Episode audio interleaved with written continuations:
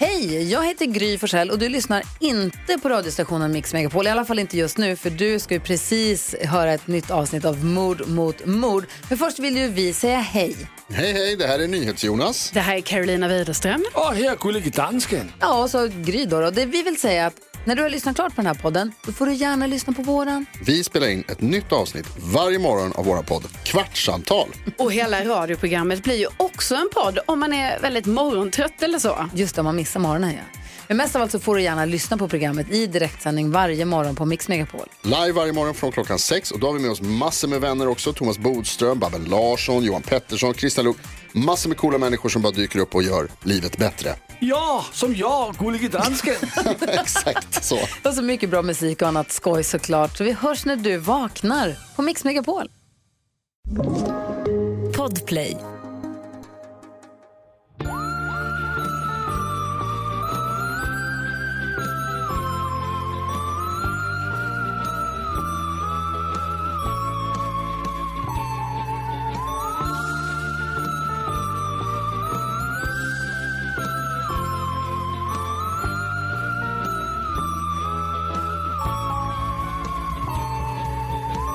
Då säger vi hej och välkomna och glad första advent till alla våra lyssnare och till varandra. Wow! Vet du vad jag tänkte Ja. på jättemycket idag? Eh, tack snälla och tack detsamma till dig.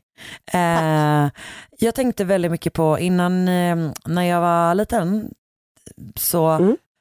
var liksom en, ett återkommande inslag i kanske typ så Lucia-tåg eller typ kanske eh, julavslutning, jag vet inte riktigt vilket sammanhang, men att man läste de här adventsdikterna. Är det någonting du känner igen? Alltså är det typ den Det går en ängel kring vårt hus och sådana eller? Nej, det här är Nej. väldigt mycket mer basic. För det är ju typ en aftonbön kanske insångna. Okej, men det här är ingen, det här är bara, den, Nej, det här, den går bara så här, för den har jag nämligen försökt läsa både för Marcus och även eh, Mhm. Emma och Fanny, mina kompisar som var här innan. Och ingen av det. dem kände igen överhuvudtaget. ah, och det är liksom Kul att djupt inpräntat. Jag tror att det Ja. bara är typ en sån, de är så korta så man, barn kan lära sig det. Och jag tror att Ja. jag fick lä- att jag hade rollen att läsa just för första advent och att det liksom verkligen så Okej, här, jag tränade det så alltså mycket. i det satt- familjen eller i skolan Nej, eller? i skolan. jag vet inte. Vi var inte, alltså jag var inte med i Von Trapps. mm, I don't know. Okej, okej. Okej, men Ja. då, den går bara så här. När första ljuset brinner står Ja. julens dörr på glänt och alla är så glada att fira få advent. Jag minns. Och sen hur gick den andra? När andra ljuset brinner är julen näst på gång. Och ändå är ju väntan fortfarande väldigt lång. nej, Mm. nej, jag hittade Men- på den. Men det är någon sån glänt och advent är ju någon sån. Men det var ju den jag precis sa. Men Okej. Eh, du märker hur mitt eh, uppmärksamhetsspann är. Verkligen. Men Gud, du lyssnar verkligen jag på mig. Nej, men alltså, jag var så fokuserad på att jag skulle säga att nästa dikt var något med glänt och advent. Så att jag, Tänk om jag det är liksom- den andra. Alltså, Vänta, Det men skulle du har kunna vara inte alla dikter. när första ljuset brinner. Google. Okej, okej. När andra ljuset brinner. Nej, okej. När andra ljuset brinner. Ja, nej, det är glöm- glömt och advent första. När andra ljuset brinner, eh, då är Lucia här. Hon bjuder oss på Ah. kaffe och bud om julenbär. Har jag inget minne av överhuvudtaget för att uppenbarligen så var jag så fokuserad på Man min drack inte kaffe. Att, nej, just det, det är sant. När tredje ljuset brinner, vi juleklappar syr och alla bakkakor har ett väldigt styr. Fjärde ljuset brinner, vi hämtar julgran och alla människor räknar. Dan före dan före dan före doppare dan. Ja, en annat starkt minne jag hade från det var att vet, man hade i klassrummet, i fönstren så hade man såna där pappers... Ja! Du vet att man tejpade upp så här, Man så tejpade upp lågan. på Ah. ljuset. Ja. Hur mysigt? Alltså väldigt mysigt. Kanske att vi... Eh, hade ni också Secret Santa i skolan? Nej, Alltså jag har ett så starkt minne av att ehm, men ni kallar det inte för Secret Santa. Nej men det var väl typ så klasstomten eller vet någonting. Hur mysigt lät inte det? Ja. Ja, okej, men Alla skulle, vi gjorde som en jättestor eh, adventskalender på väggen. Liksom. Och så skulle alla köpa en julklapp för typ så 25 kronor. Vad fick så, du? så fick man? Jag kommer faktiskt inte ihåg vad jag fick, men jag kommer ihåg att den som fick dagen innan eh, skolavslutningen fick en chokladkalender. Så den kunde ju äta så, typ 20 chokladbitar på en gång. Alltså det är verkligen barnlyx. Eller hur? Och så var det tydligt att vissa hade gått över budget. Alltså du vet, typ, man gav typ så en singel och de kostade ju 29 och inte 25. Man- Att man la upp så att man bara, men gud det där är ju en iPod. ja, men väldigt, eh, väldigt sjukt att eh, det snart är jul, känns det som. Också väldigt Ändå mysigt. ganska mysigt. Väldigt mysigt. Och eh, vi påminner i förra veckan, vi kan påminna igen att om man vill ge en mord julklapp till någon man tycker om eller inte tycker om så Ja, finns de på podstore.se. väldigt bra. Och vet du vad jag gav för julklappstips idag till eh, en person? Nej, Som att den skulle ge till en annan person. Vad? Var Marcus eh, kalender för 2022. ja ah, just det, ja, med Marcus han gör för där alla intäkter går till Stadsmissionen i Göteborg. Mm, väldigt bra tycker jag. Och eh, den här personen då som jag tipsade till en annan person, alltså den här personen som ska få presenten, gillar då Marcus Ja, väldigt det, det kan vara en fördel ändå, tror jag. Ja. För att, det, för att den fyller inte liksom, alltså det, om man bara vill ha en väldigt strukturerad kalender, då kan man Ja. leta efter bättre kalendrar. det kan man ändå. Ja, Okej, jag köper det. Men ändå. Den är väldigt Eh, bra. Så att Den är väldigt dels, dels, vår, dels våra grejer då är väl prio och sen som nummer två eh, kan man ta Marcus grejer. bra. Ja, om man har pengar över. Om man har pengar över. Precis. Om man har kompisar över. precis. Mm, bra. Har du julstökat? Nej, inte, Nej. men jag har ätit en saffransbulle. Ja. Och jag har ätit vörtbröd, liksom bulle? Ah, eh, jag har ätit vörtbröd och julskinka. Och senap. och gott. Alltså det är så jävla gott. Och är för, Men jag gillar det mer på knäckebröd. Okej. Det kan Ja, du också. Men man är olika. Man är Ja. olika, man är olika. Nej, och jag eh, fick ju inte äta det förra året för att jag var gravid då, för att vi inte hittade några som var, någon julskinka som var gjord tillräckligt nyss. Ja, är gud den där. Gud, det packad. där. Ja, just det. Eh, Så att det kändes extra bra. Det där rådet läste jag väldigt sent in i min graviditet och fick jättemycket ångest. Nej. För jag Men det- älskar ju smörgåsmat och kollar väldigt sällan på förpackningsdatum. Japp. Men ditt barn, eh, ditt barn mår ju bra. Det gick ju bra. Det gick ju bra. Det gick ändå bra. Mm. bra. Ehm, men hur mår du då? Vad mysigt. Har du Ja, men bra. julstökat? Ja, men lite alltså. Vi eh, hade lite julstök här i huset igår med min syster och, och, och hennes familj. Och eh, Sigrid fick hjälpa till att baka lussekatter och vi drack glühwein för att ingen gillar glögg och glühwein är godare i så fall. Och eh, det var mysigt. Tänk att det är Sigrids liksom, första medvetna jul. Ja, det ska bli så sjukt mysigt. Ska du ha en sån här liten tomte, du vet en sån nissegrej? Nej, alltså jag, dels, nej jag, tror är- jag, tror inte hon, jag tror inte hon uppskattar det riktigt än. Jag tänkte faktiskt vänta till nästa jul. Jag tycker det är ett skitmysigt koncept. Jag gillar verkligen det. Men jag tror hon... Eh, hon låter ju ingenting vara. Va? Nej. Så Nej. att, eh, jag, tror, jag tror vi hoppar det till nästa år. Men vi har satt upp en julstjärna i vårt fönster. Ja, japp. I Det ett jag också fönster. Men gud vad Mm. också mysigt med att ni har sån jul i ett hus ändå. Ja, det, ska, det är faktiskt Jul skitmysigt. i ert Jag- hus, som du brukar säga. Väldigt mysigt. Mm. Ehm, nej men eh, ja, det känns bra tycker jag. Bra, bra. Eh, idag när vi kom hem så, eh, så sa då min syster så här, ta med en bulle upp om ni vill ha en extra. Liksom. Vi åt ju några bullar igår. Så sa jag, ah, tack kan jag ta tre? Och hon bara, ja jag tar det. Liksom så här. Och Oskar när vi kom upp, han bara, jag älskar dig men det där kändes väldigt girigt faktiskt Anna. Att han liksom hade sån skam å mina vägnar att jag Men- hade tagit tre lussebullar när jag blev erbjuden en. Men det är också kul att han började, var tvungen, kände sig ändå tvungen med att börja säga jag älskar dig Anna, men.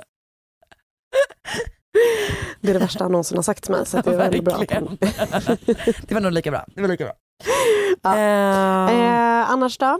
Nej men jag, du vet ju, du vet, du vet ju hur jag har det, jag är ju ute på någon sån, eh, liksom vi lever sånt jävla turnéliv, typ Marcus jobbar så jävla mycket och jag är Sally med så mycket så att vi bodde typ på ett hotell i Göteborg hela förra veckan. Just det. Eh, Sally har ju liksom bott mer på hotell än hemma känns som. Det har hon inte riktigt. Ja. Eller det har hon inte, men det känns så lite grann. Jag Eh, fattar. och eh, typ att jag, det är något väldigt speciellt med att du vet mer så, bo på ett hotell. Alltså förstår du vad jag menar? Att man inte bor på hotell, utan det är så här, den här veckan, det är inte Man det att bor, ja. Alltså det Det är är inte det att hem, jag liksom. vill vara här. Mm. Men jag Nej. måste det. Att man liksom blir en sån, man blir en del av ett universum på ett hotell mer. Ja.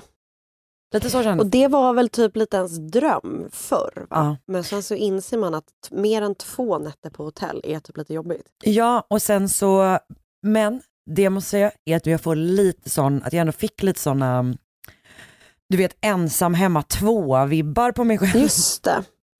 Att jag bara, just jag kan det. ringa ner och beställa upp mat. Så jävla härligt ändå. Nu blir jag sugen på att se den. Men det sa Oskar igår, att man är- längtar efter att se julsaker. Mm. Då sa jag, men de har man ju sett tusen gånger. Men det kanske är just det som är så mysigt. Det är ju exakt det som är, eller det är väl det som är Ja. mysigt med hela julen, att man bara, ja det här har vi gjort förr. Jag Tänker jag. vet, men vissa grejer känner man bara, orkar jag se Love actually igen? Nej, det, och det gör man inte. Så är det Nej. faktiskt. Ehm, Eh, ja, nej men livet eh, knagglar väl på va? Det gör väl det. Det knagglar mot Mm. jul, som vi brukar säga. Det knagglar mot jul, precis. Har du några tips? Låt mig fundera och Mm. svaret är nej. ah, ja. Har du? Jag, eh, har jag det? Apropå, jo jag har börjat lyssna på en Wondery-podd som Ja. heter, som jag nu är på väg att råka sätta igång på min mobil, perfekt. Ehm, som heter Harsh Reality. Jag är inte riktigt Mhm. säker på vilken väg den historien kommer ta än så länge, men det det handlar om Okej. är i alla fall en eh, realityserie på typ, alltså du vet realityns peak lite grann. Ja. Eh, där man eh, bestämde sig för att göra ett datingprogram, till synes ett helt vanligt datingprogram, men där twisten då är att ehm, tjejen som killarna tävlar om är, men, är transkvinna. Ja, okej. Och så är det liksom så här, du vet massa sådana British lads som, och typ så här, Ja. uppenbarligen är det upplagt för typ som fucking jävla transfobi Ja. eh, situation typ. Men jag har bara lyssnat på två avsnitt än så länge. Den heter Harsh Reality, The Story of Miriam Rivera. Eh, och det är superdisturbing för att du vet man känner hur någonting brygger, om du förstår vad jag menar. Mm. Liksom. Att man bara, det Mm. här, det är liksom men, obehaglighetskänslor för att det verkligen är på väg att ja, bli riktigt eh, jävligt. Så känns det typ. Mm. Harsh Eh, så reality. den lyssnar jag på. Nice, bra tips. Eh, Som ja, alltid. jag tror att det är ett bra tips. Jag har ju laddat ner, eller jag har ju skaffat mig Wondery Plus. Just det. Vilket jag är typ det Och det är du jag lycklig för. Mm. Ja, Mm. det är jag, är jag väldigt lycklig för eftersom jag älskar Wondery, Wondery poddar eh, och nu lyssnar på poddar konstant. PGA lever ditt gamla liv med vandring Ja, med barnvagn. saknar det. Ehm, så att jag får, det är väldigt mycket Wondery poddar, alltså typ att jag bara le, letar mig vidare i deras utbud. Eh, Ah, nice. För mig även- känns det värt att skaffa till barn bara för att få göra det där. det där, vi klipper ut det där och så kommer jag spara det och spela upp det på det, det barnets bröllop. Det, var därför du, det är därför du kom. till jorden. eh, ja men mysigt ju. Japp, ja men det är bra. Eh, men du, ska vi Ja vi kör va? loss? Ja men det gör vi. Vi gör det. Ett poddtips från Podplay. I podden Något Kaiko garanterar östgötarna Brutti och jag, Davva, dig en stor dos skratt. Där följer jag pladask för köttätandet igen. Man är lite som en jävla vampyr. Man har fått lite blodsmak och då måste man ha mer. Udda spaningar, fängslande anekdoter och en och annan arg rant. Jag måste ha mitt kaffe på morgonen för annars är jag ingen trevlig människa. Då är du ingen trevlig människa, punkt. Något Kaiko, hör du på Podplay. Därför är gardinerna.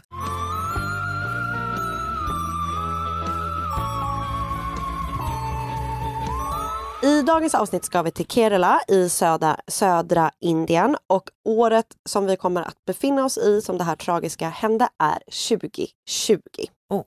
Väldigt nytt. Väldigt nytt.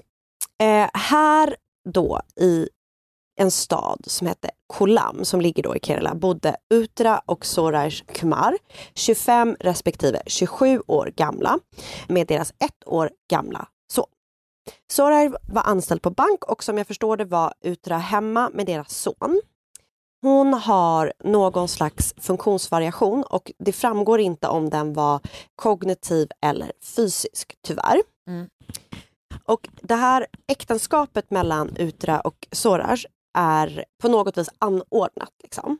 Det, det, de, de, det, det pratas om en sån marriage broker ibland, eh, men det är också så typ någonstans så, så läste jag att liksom de, gif, de, de gifte sig efter att han typ har sagt så här, jag gillar henne.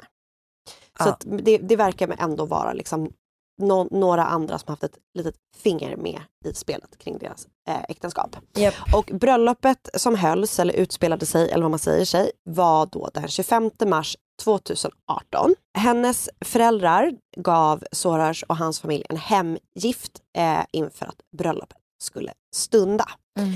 Hemgiften innefattade en del guld, också det är väldigt varierande hur mycket guld det var beroende på vad man läser, men det verkar vara ett gäng gamla guldmynt som han har fått.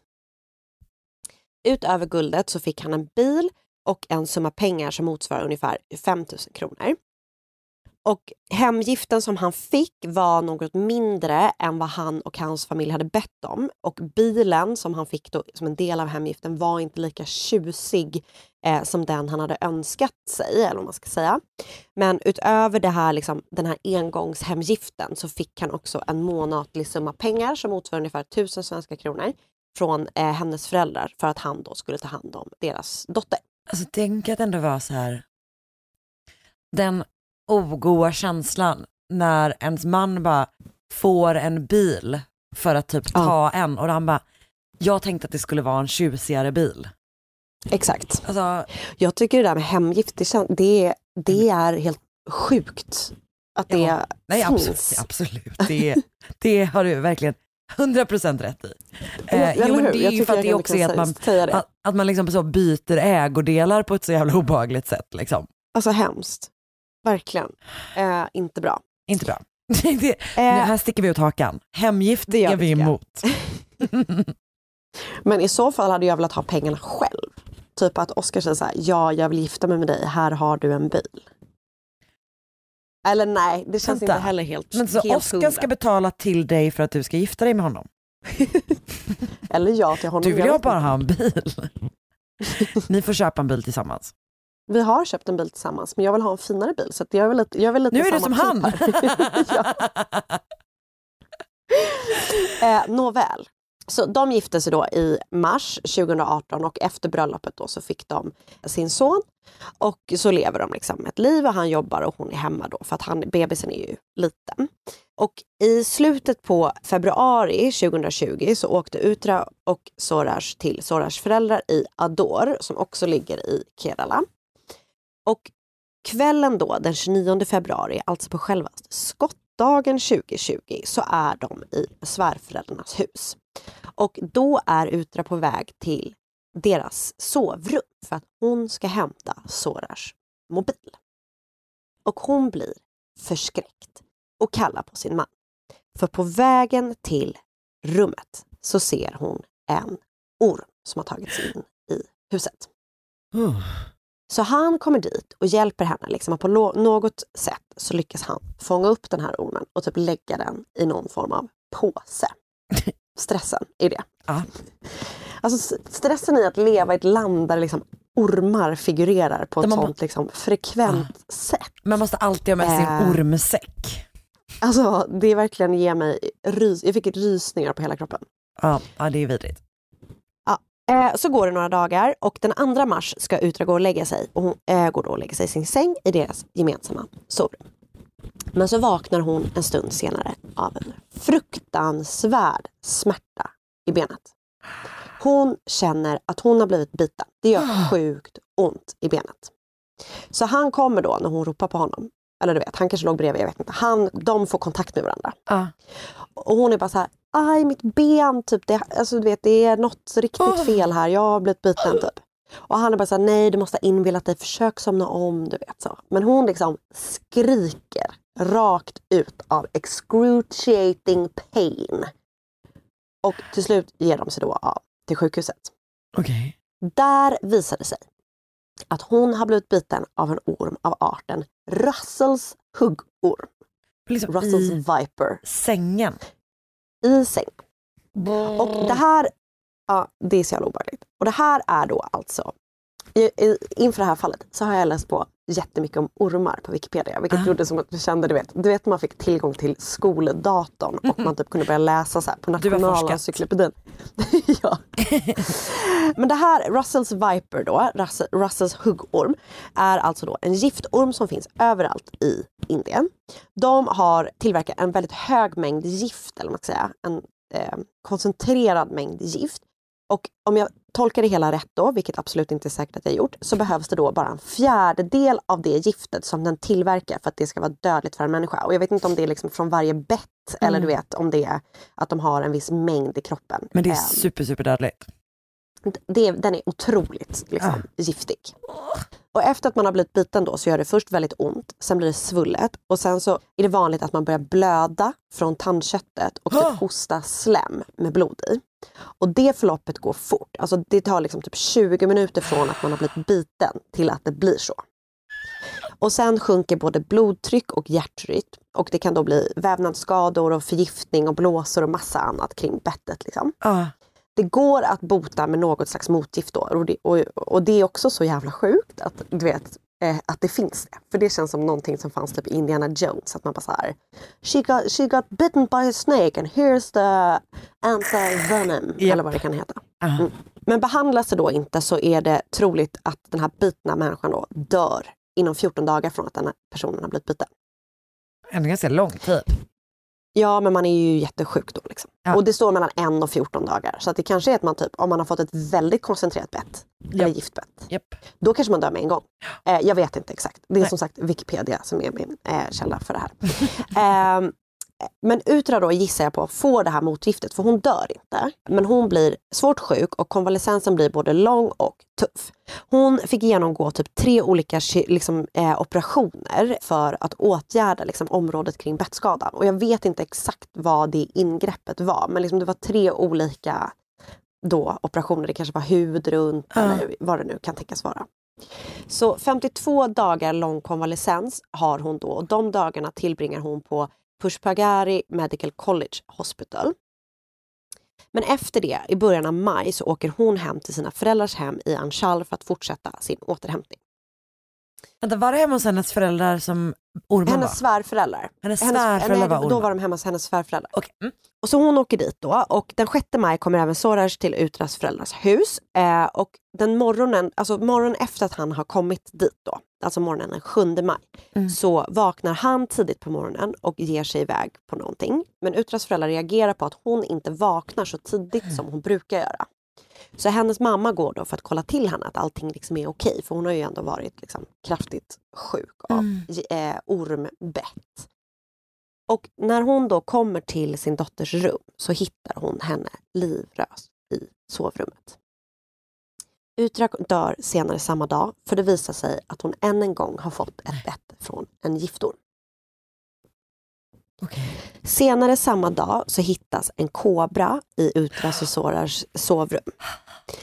Kobran är av arten Naja Naja som även går under namnet indisk kobra. Och det är då en sån klassisk kobra, du vet som man tänker på, du vet en sån med som har glasögon på bakhuvudet. Ja. ja. Och enligt Wikipedia så sägs det att det dör cirka 10 000 personer om året bara i Indien Oj. av bett från just en sån här kobra. Men de säger också att det kan vara något överdriven siffra. Men det är liksom en Kul, otroligt... kul när till och med Wiki, alltså du brasklappar med Wikipedia som brasklappar sig själva. Verkligen, då Ja. vet man. Vet Men man det att är liksom bra. en otroligt eh, giftig orm. Ah. Den verkar då finnas på väldigt många ställen. Och du vet, det, det är sånt som de har liksom... Eh, ja. eh, så att eh, den, är inte, Nej. den är inte bra. Nej. Och eh, det är då en sån otroligt sorglig slump att en och samma kvinna blir biten två gånger av två olika giftormar på två månader. Kanske du inte tänker nu och det tänkte inte heller hennes föräldrar. Nej. För de då är bara så här, det här är så jävla konstigt, det är något som inte stämmer. Och deras misstankar förstärks då också av att ehm, de har då förstått på sin dotter att Sorash och hans familj inte behandlar henne särskilt bra alls. Och det har de typ inte gjort sedan dagen de gifte sig. Hennes föräldrar har tydligen också försökt få hem Utra och föreslagit att de två ska gå liksom skilda vägar, att de ska skilja sig bara några månader innan eh, hon sen till slut dog. Ah. Så det dröjer då väldigt liksom, kort tid, eller det tar inte lång tid innan de då anmäler det här till polisen eh, och är liksom så här, det här är inte ett naturligt, eller liksom det här är något skumt med. Mm. Och polisen börjar då undersöka det hela, för även om de också tycker direkt att det är mycket som liksom indikerar då att Sorash kan vara ansvarig för sin frus död med tanke på liksom att han då ja, har vet, haft ja, många sådana liksom indi, in, som indi, in, liksom, vad säger man? Indicier. Ja, precis. Så inser de då så här, vi måste bygga caset mot honom för att få liksom mycket mer, vi måste ha, vi måste, måste ha mer på fötterna. Det är också Så de för ihop- sjukt att tänka att någon har Ja, ja. försökt döda med orm. Alltså det är så sjukt obehagligt. Så polisen sätter ihop ett gäng av experter där då bland annat ingår veterinärer, både liksom doktorsveterinärer och kirurgveterinärer.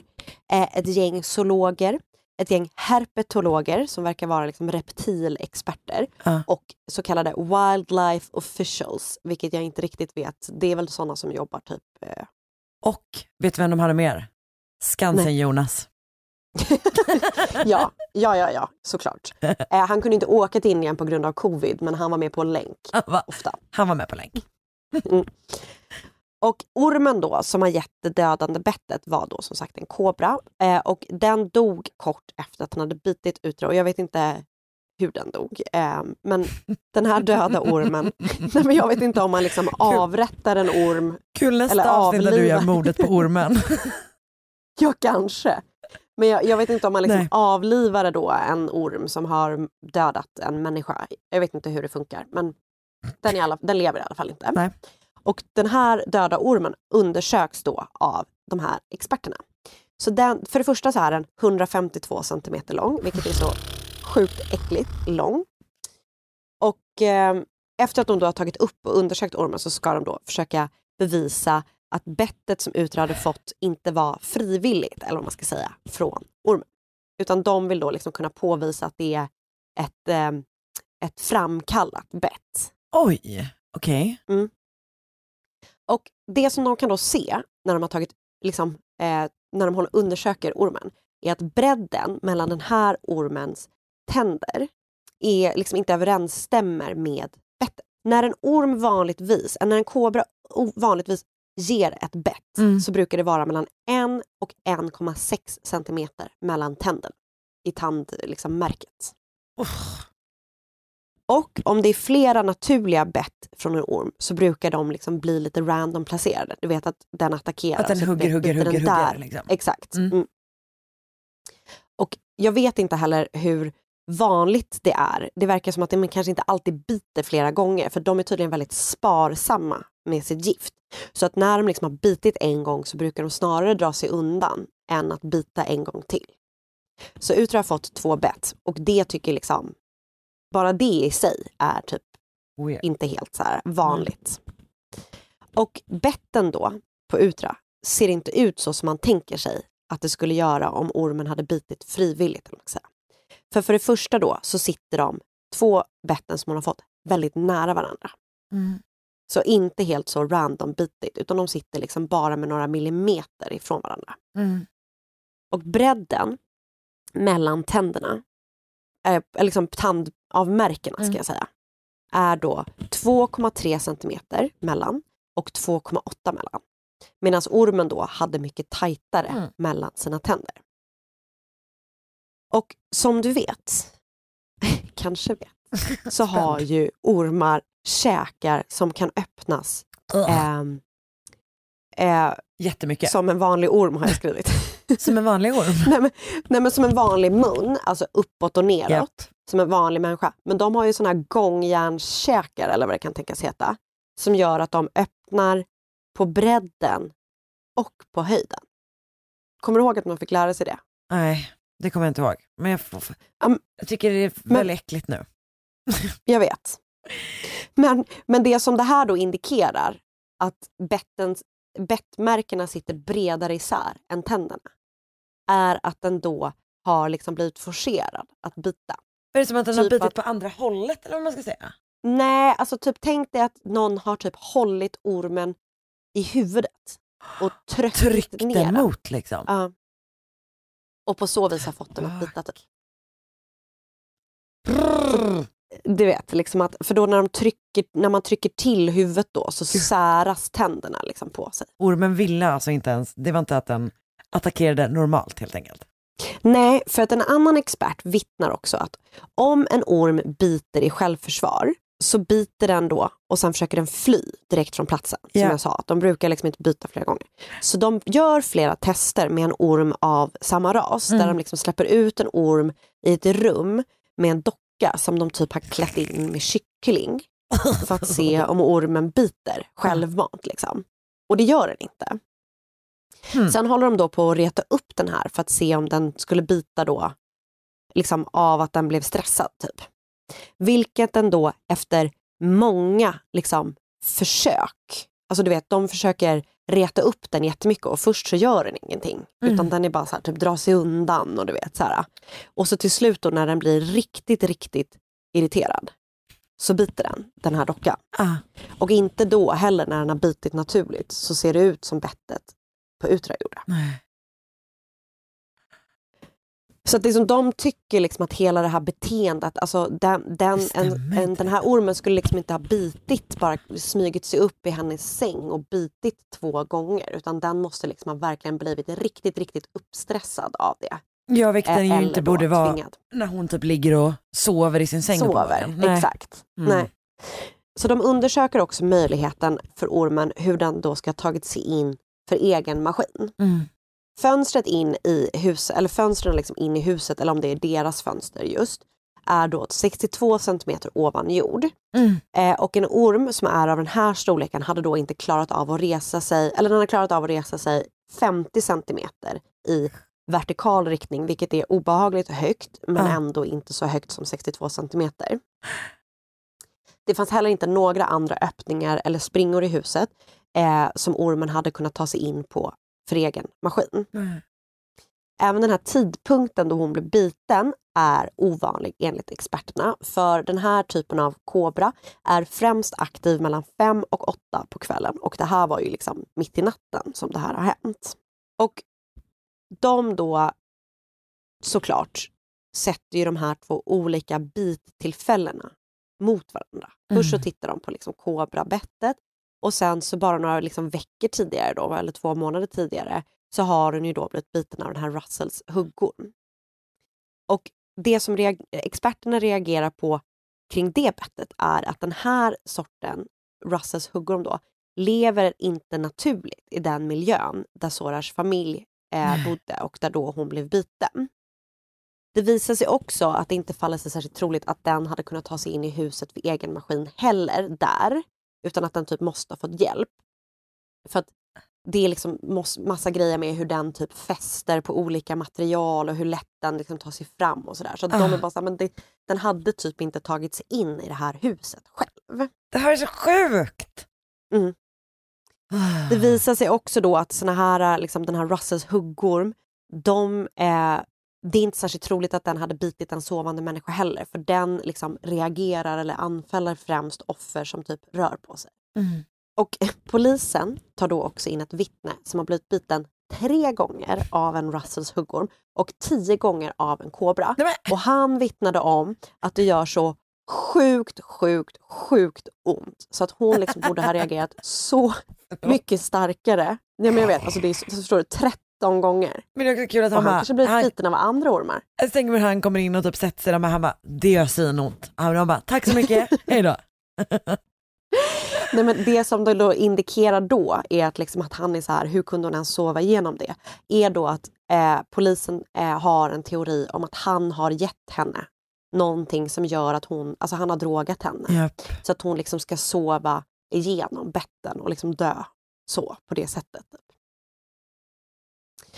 Det visar sig också att Sorash bara kort efter att han och Utra har gift sig har börjat googla olika sorters dödliga ormar.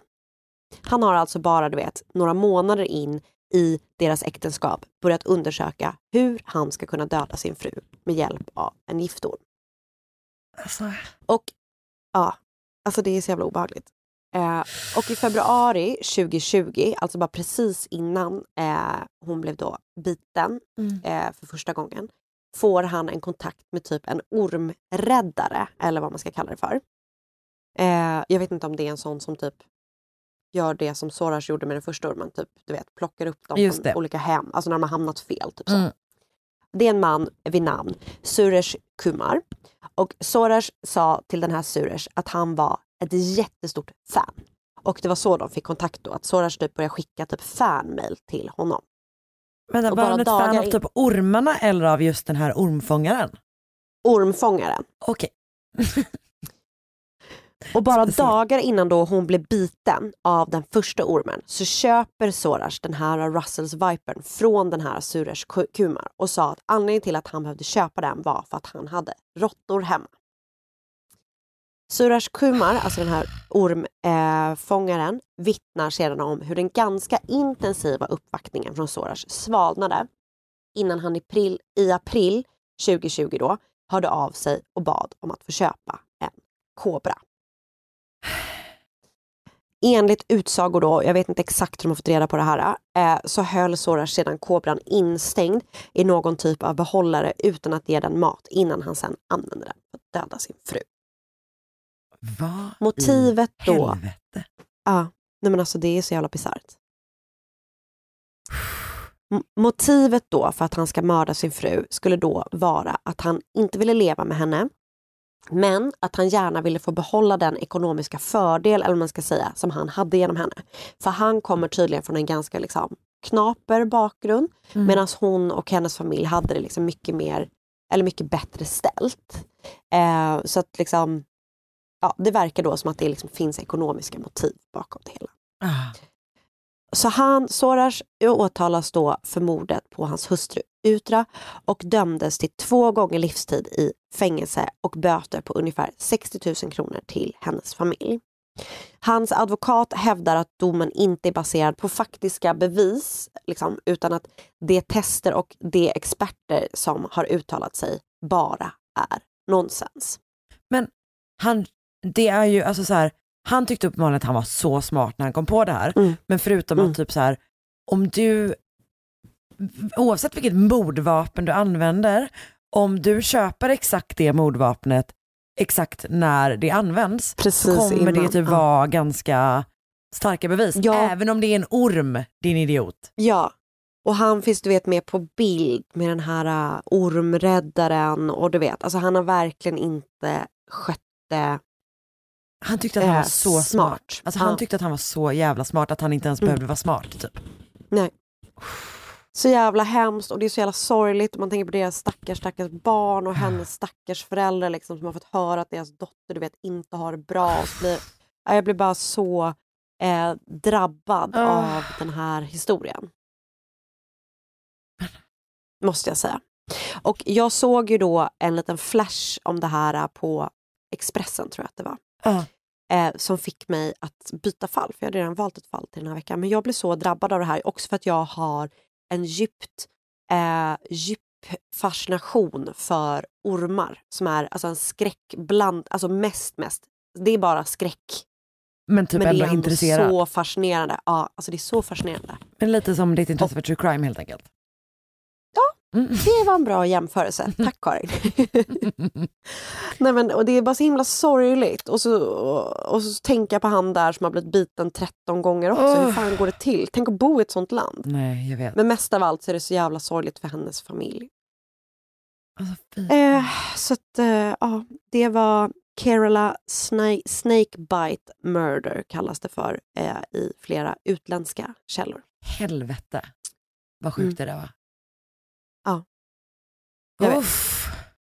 Så jag har läst ehm, två artiklar på Times of India som är skrivna av deras redaktion som heter Court verdict not based on evidences, Sorash S. Kumars lawyer. Och så har jag läst Kerala Snake Bite Murder Case, Sorash S. Kumar guilty, sentencing tomorrow. Och sen har jag läst Unmasking the killer behind the cobra, How Kerala cops cracked the case, skriven av Sanyukta eh, Dharmadakiri och For months Sorash looked up snakes to kill Uthra. His chilling YouTube history shows. Skriven av Nettu Joseph på thenewsminute.com och sen India man jailed for killing wife with cobra in Kerala på bbc.com. Massa olika Wikipedia-sidor om då bland annat ormar men även om fallet och sen, ja precis, det var det. Det var det. Oh. Ja, jag vet. Bo inte i ett land med mycket ormar, please people. Du som älskar, känns för typ Australien, är inte det ormigt med? Jo. jo. Det är du ändå väldigt öppen för. Det är jag mer öppen för. Men min syster hade ju en australiensisk pojkvän. Ja. Och han sa någon gång att hans grannar hade en tegelsten på toalocket för att ibland så kommer de upp Äh. genom toaletten. Nej. Också, Jo, jag vet varför? inte om det var- Han kanske också Jag vet inte om det den. var en lögn. Ja. det kan ha varit en skrämseltaktik. Know. Kanske. Mm. Ehm, det där var fruktansvärt. Ja. Jag vet. Japp. Ett poddtips från Podplay. I fallen jag aldrig glömmer djupdyker Hasse Aro i arbetet bakom några av Sveriges mest uppseendeväckande brottsutredningar. Går vi in med hemlig telefonavlyssning och, och då upplever vi att vi får en total förändring av hans beteende. Vad är det som händer nu? Vem är det som läcker? Och så säger han att jag är kriminell, jag har varit kriminell i hela mitt liv men att mörda ett barn, där går min gräns. Nya säsongen av Fallen jag aldrig glömmer på Podplay.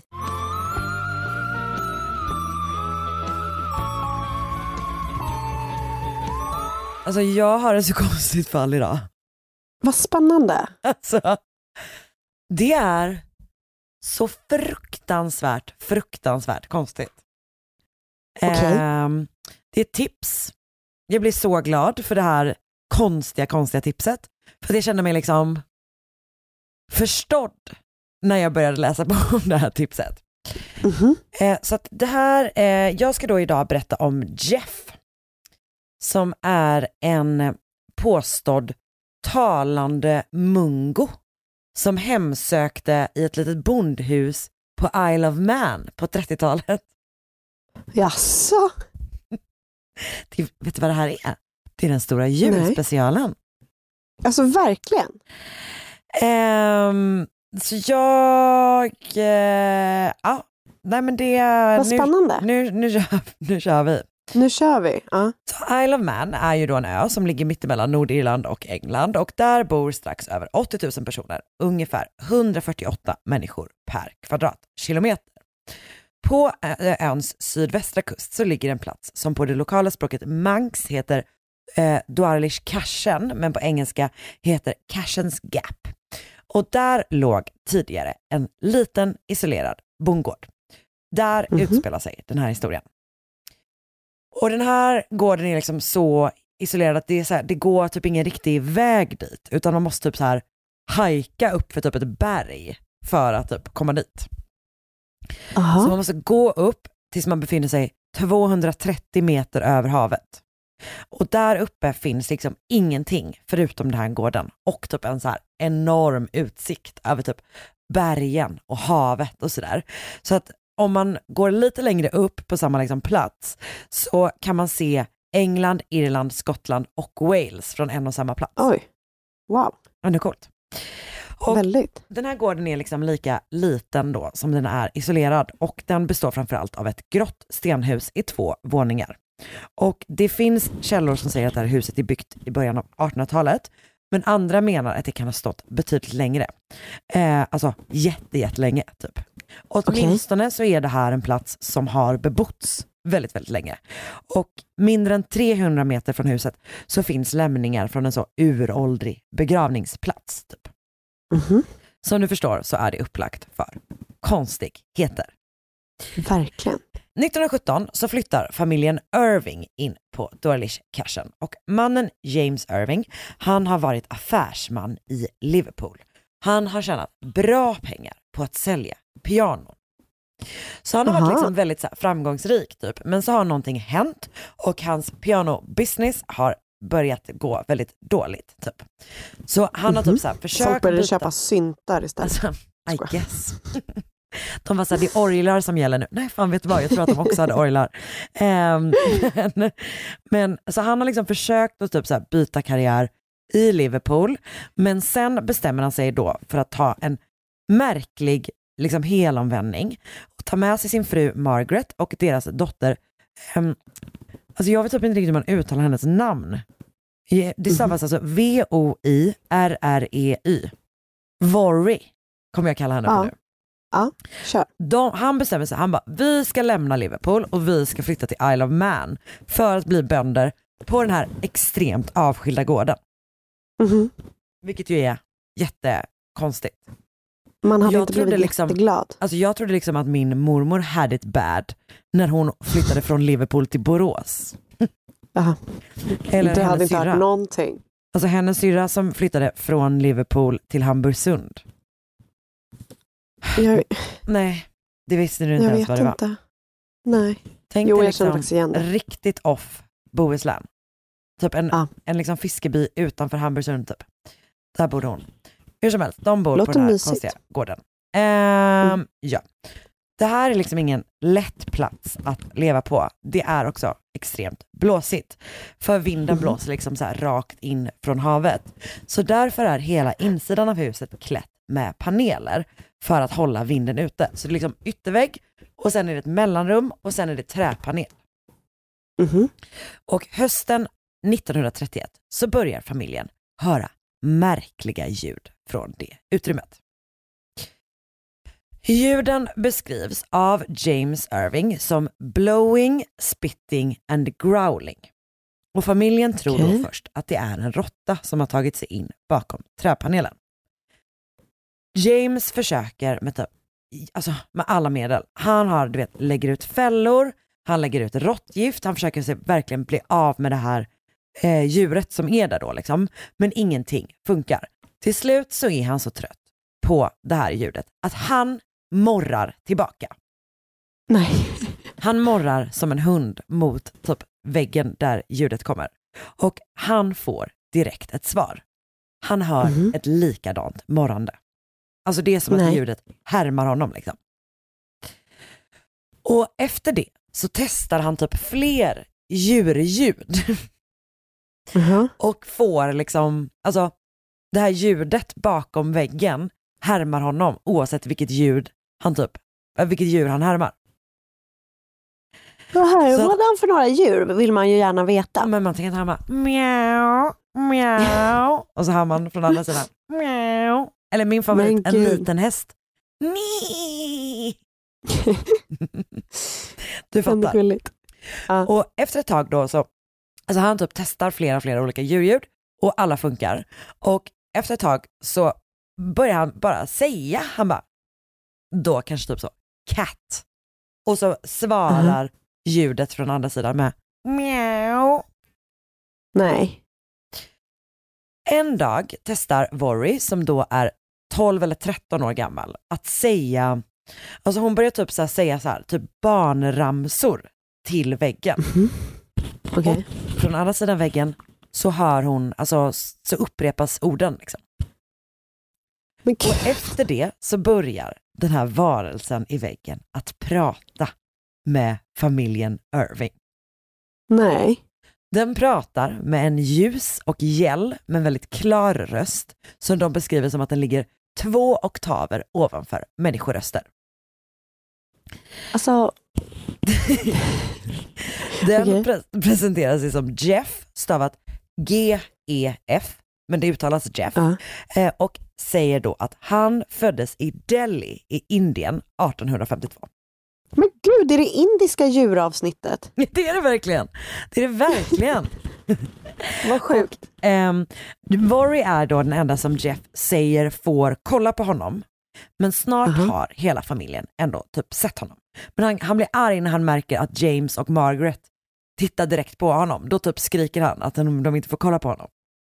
Och de beskriver då honom som typ som en stor råtta i storlek. Han har gulaktig päls, en lång nos, ett ansikte som liknar en igelkotts och en stor buskig svans. Men istället för tassar så har Jeff snarare typ alltså människohänder. Som har tre Vad korta fingrar och tummar. Är det inte så jävla äckligt? Och de ser honom då eh, inomhus, typ på lite så här bjälkar och så, alltså typ att han springer iväg liksom. Eh, men också typ utomhus och han kan typ så här vara bland familjens höns och sånt och de verkar typ inte rädda för honom. Och han beskriver sig själv som en extra extra clever mongoose. Alltså en extra extra smart mungo. Och en mungo, eller en indisk mungo, ehm, är ju ett liksom Alltså de ser ju typ ut lite grann som en blandning mellan kanske typ en, sån en, alltså typ, liksom en iller eller en vessla och typ en katt. Typ. Eh, alltså de är i samma familj som ehm, surikater. Så de, har, de är lite lika surikater Ah, i liksom ansiktet men de är mer som att de, som också som typ en räv, att de liksom går på alla fyra och sådär. Eh, De är ju, eh, det är grejen att det är typ en granne på den här ön som typ har importerat mungos för att typ få hjälp att jaga råttor eller någonting. Så att det verkar som Aha. att de ändå finns på Isle of Man. De finns ändå, där. Ja. Ja, det verkar som det. Men det är ändå väldigt, väldigt konstigt. Och det är förstås väldigt, väldigt ovanligt att de pratar. Får man ändå lov att säga. Jag har aldrig hört talas om det. Nej, nej, det är något nytt. Och Jeff pratar med hela familjen, men han tycker mest om Vory och minst om Margaret. Han är typ ganska taskig mot mamman. Och han flyttar då in i någon slags lådliknande utrymme i Vorys rum som familjen börjar kalla för Jeffs sanctum. Och Jeff är då, visade sig, en talande mungo med riktigt pissig personlighet. Han är typ ganska obehaglig. Vid något tillfälle så, alltså Vory blir typ rädd för honom, för det är, alltså, han, det är ju asläskigt. Liksom. Ehm, och hon bör, han är också väldigt på henne liksom och eh, då börjar James och Margaret prata om att hon kanske ska flytta in i deras rum och sova där för att hon tycker att det är läskigt liksom. Och då hör de Jeff skrika från väggen I'll follow her wherever you put her. Men gud! Och sen typ barrikaderar de hennes sovrumsdörr med typ så här lådor och möbler och sånt. Men då verkar det som att Jeff vill ta sig in. Så dörren börjar liksom så här skaka och typ som att någon kastar sig mot den. Och sen hör de Jeff skrika I'm coming in! Och sen Nej. krossas en kruka mot sängen. Men Trots gud. att det här uppenbarligen är jättekonstigt och jätteläskigt så blir Jeff snart en del av familjen Irvings vardag. Han bor i deras väggar. Han kastar ofta olika saker på dem, typ att Margaret kanske är så på väg hem, så är det bara att det är någon som kastar sten på henne i hela promenaden hem. Hon bara Jeff is that you? Och han bara yes! Typ. Eh, han lyssnar på grammofonskivor och sjunger med till låtarna. Han Mhm. äter mat som de liksom ställer fram till honom. Han har en studsboll som han studsar med ibland när han är på bra humör. Som tack för att han får bo hos dem så stryper han kaniner med sina bara äckliga händer och tar med till Margaret så att hon kan tillaga dem. Så de äter kanin som han fångat till dem. Men gud. Och det verkar vara jättejobbigt att bo med Jeff. För han har verkligen då ett jävla humör och han är också lite av en skojare.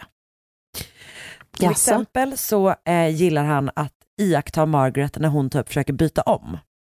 Jag säger inte att han är en skojare, förutom då att han är någon slags påhittad figur uppenbarligen.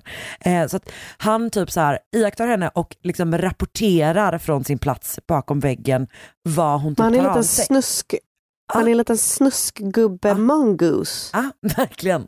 En extra, extra creepy mongoose.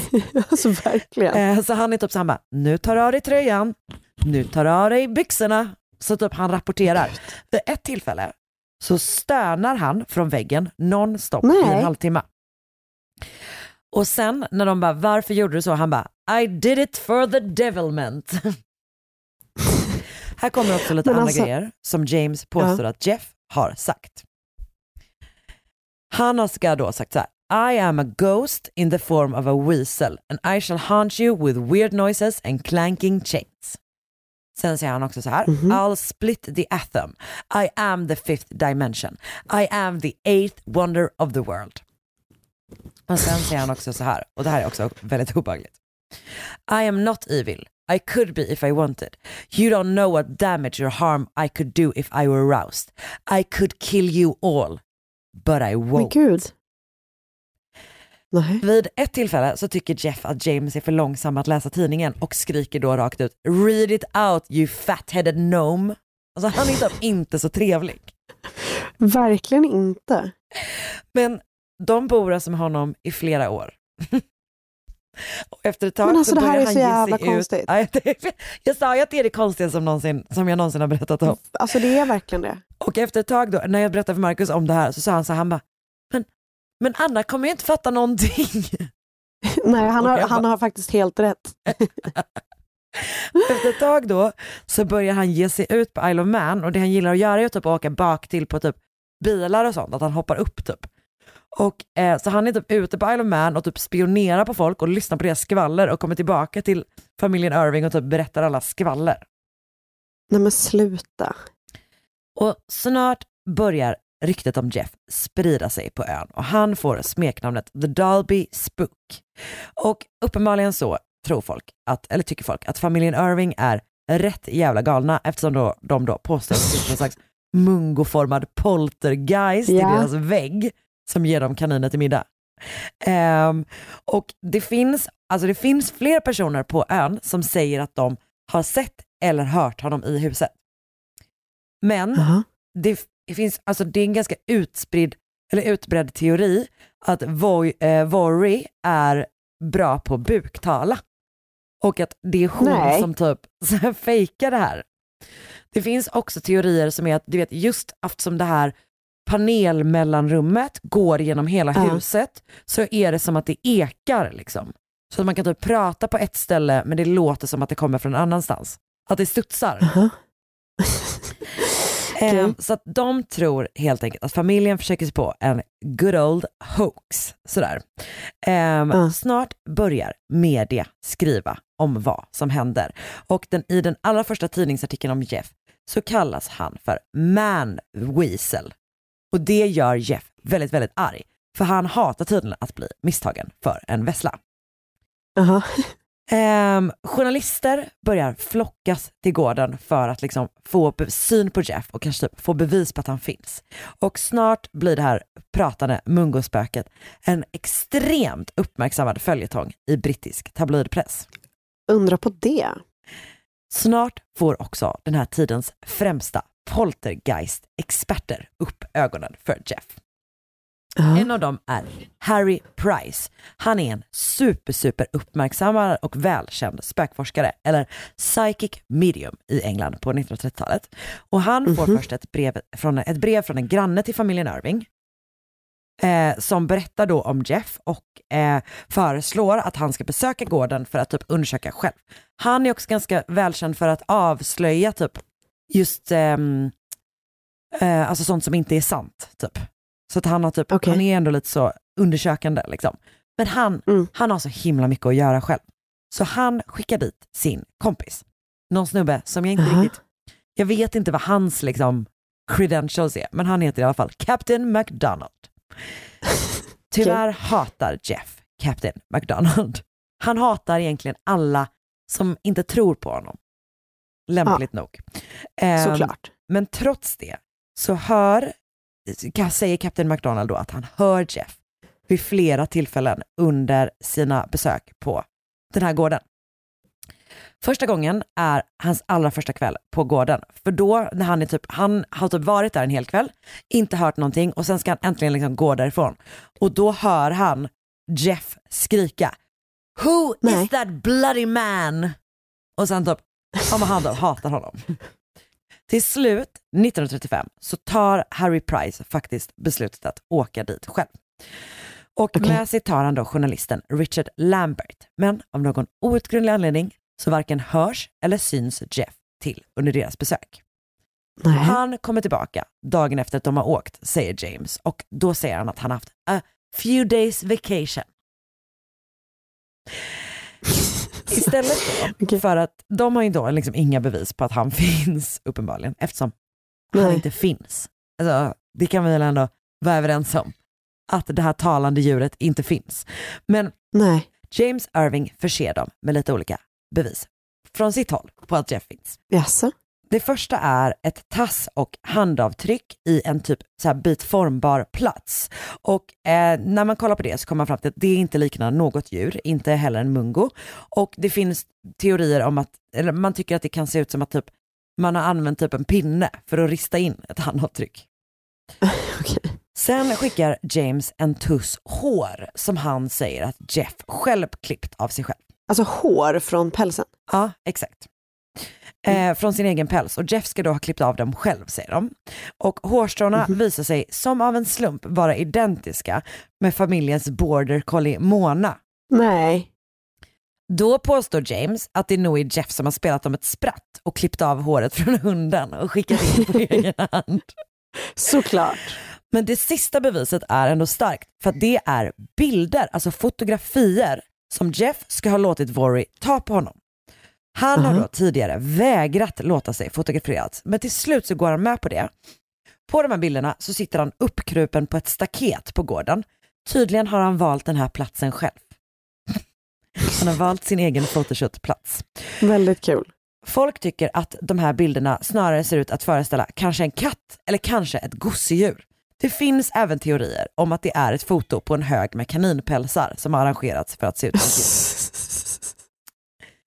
Trots att de här bevisen motbevisas ändå rätt rejält och trots att de inte ser eller har någonting från Jeff själva så skriver Price och Lambert en gemensam bok där de inte, åtminstone inte rakt av avfärdar den här historien om Jeff utan håller sig märkligt neutrala till eh, den här andemungon typ.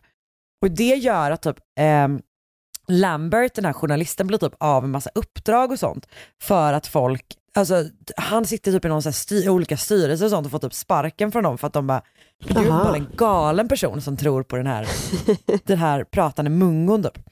Ehm, ett par år senare så står, står ett annat medium, som är en person som heter Nandor Fodor. Han slår fast att historierna om Jeff måste vara sanna för att han upplever att familjen Irving är trovärdiga. Trots att han har varit en vecka på Dorlish-cashen utan att varken ha sett eller hört Jeff.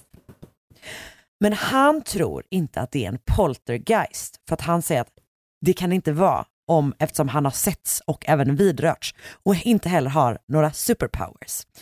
Utan han kommer senare att presentera en teori om att Jeff är eh, vad han själv beskriver som a split off part av Jims personlighet. Och det här ska då ha hänt för att James, eh, av James personlighet, han kallas för Jim, eh, och det ska ha hänt för att James är så sinnessjukt ostimulerad av att bo så himla himla isolerat och ensam. Som sagt, vi kan väl ändå tänka oss att det typ inte finns ett liksom talande mungospöke på den här gården. Så vad är det då som har hänt? Alltså det man tänker spontant är ju att här, familjen, om familjen hade tjänat pengar på det här så hade man ju fattat. Alltså de har Ja. typ hittat på den här för att de ska kunna tjäna pengar. Men de tackar alltså nej till pengar. Jaså? Eh, så att istället då finns den här eh, tråkighetsteorin. Alltså att antingen att James har så jävla jävla tråkigt att det har liksom slagit slint lite grann i honom. Eller att Voiry har haft det så sjukt jävla tråkigt att hon typ har, men typ att det är liksom som en låtsaskompis till henne som har, Ja. du vet på något sätt fått fäste och bara snowballat typ. Så att de inte kan backa från det. Eller så är det typ som att det är en delad hallucination för hela den här familjen liksom. Och Men sen har gud. den här historien råkat sprida sig utanför. Men 1945 så dör James Irving och efter det hör ingen av, alltså inte Margaret eller Vory någonsin mer från Jeff. Och han visar sig heller inte för den nya ägaren från gården för att de flyttar från, från Isle of Man och liksom, det är inget mer med honom. En, en ny person köper gården. Han säger att han aldrig hör Jeff. Men han berättar 1947 att han, att han har skjutit ett märkligt djur på gården som varken är en iller eller en vessla, men typ ändå liknar dem. Nähä. Och han Okej. tänker typ att så här, skulle det kunna vara det här? Det enda är att den ser inte liksom likadan ut som de har beskrivit eh, Jeff i färgen och sådär. Så det är lite, lite Men han oklart. har tre fingrar och en tumme. han har en border, border collies päls. Men 1970 så intervjuas Worry Irving om sin uppväxt och Jeff av en eh, journalist som heter Walter McGraw för Fate Magazine. Och hon säger Jeff was very detrimental to my life. It was not a hoax and I wish it had never happened. Yes, there was a little animal who talked and did all those other things. He said he was a mongoose and said we should call him Jeff. Do I do wish he had let, uh, left us alone. Hon dog 2005 och höll hela sitt liv fast vid att Jeff verkligen fanns. Vad sjukt. Och det sjuka med det här är ju också som sagt att det blev så jävla uppmärksammat. Alltså, folk Mm. reste från hela världen för att typ se och höra den här talande mungon som bodde i väggen på en liten, liten bondgård på Isle of Man. Det blev superomskrivet liksom, i internationell press. Den Vad här sjukt. poltergeist-djuret liksom. Ja. Och det här är ju Så som spännande. sagt en av de konstigaste, kanske den konstigaste Det var det historien vi någonsin har pratat om. Eh, och Jag jag, har det. då läst på Harry Price website.co.uk. Jag har läst, läst på jeffmongoose.blogspot.com som skrivs av Clifford Malcolm Willett. Jag har läst en artikel Mhm. på grunge.com av William J. Wright, på mentalfloss.com av Anna Green eh, och sen har jag läst Christopher Joseph för Fortean Times och förstås även Wikipedia. Otroligt. Jeff the Mongoose. Helt sjukt. Kan du ens förstå att någon tipsade mig om det här? Är inte det toppen? Ja, men det är underbart. Jo. Alltså mer konstigheter va? För jag fick också ett tips om, eh, om det fallet som, som du pratar om, men jag hann, hann ju avbryta mig, alltså jag hann inte läsa någonting överhuvudtaget förutom Nej. att det var eh, att det var någon som bara var så här, du borde kolla upp det här. Eh, och vi är ju väldigt, väldigt glada för just de här märkliga tipsen. Verkligen. Ehm, för vi gillar ju sådana fall. När det är Det konstigt. gör vi. Och eh, sådana fall som inte alla känner till är ju ändå det som eh, gets Det är vår go-to. Ja, det är Mm. verkligen det. Alltså verkligen. Så sådana får man gärna skicka, Ja. gärna skicka in till eh, att. Anna eller att Karin Londre på Instagram. Ehm, Underbart. Och sen Sa hörs det. vi ju eh, nästa vecka helt enkelt. Men det gör vi. Det blir kul. Det blir kul och eh, ha en fin andra advent tills dess. Verkligen. Adjö och hej. Ajöken, adjö. Åh. Ett poddtips från Podplay. I fallen jag aldrig glömmer djupdyker Hasse Aro i arbetet bakom några av Sveriges mest uppseendeväckande brottsutredningar. Går vi in med hemlig telefonavlyssning och, och då upplever vi att vi får en total förändring av hans beteende. Vad är det som händer nu? Vem är det som läcker? Och så säger han att jag är kriminell, jag har varit kriminell i hela mitt liv men att mörda ett barn, där går min gräns. Nya säsongen av Fallen jag aldrig glömmer på Podplay.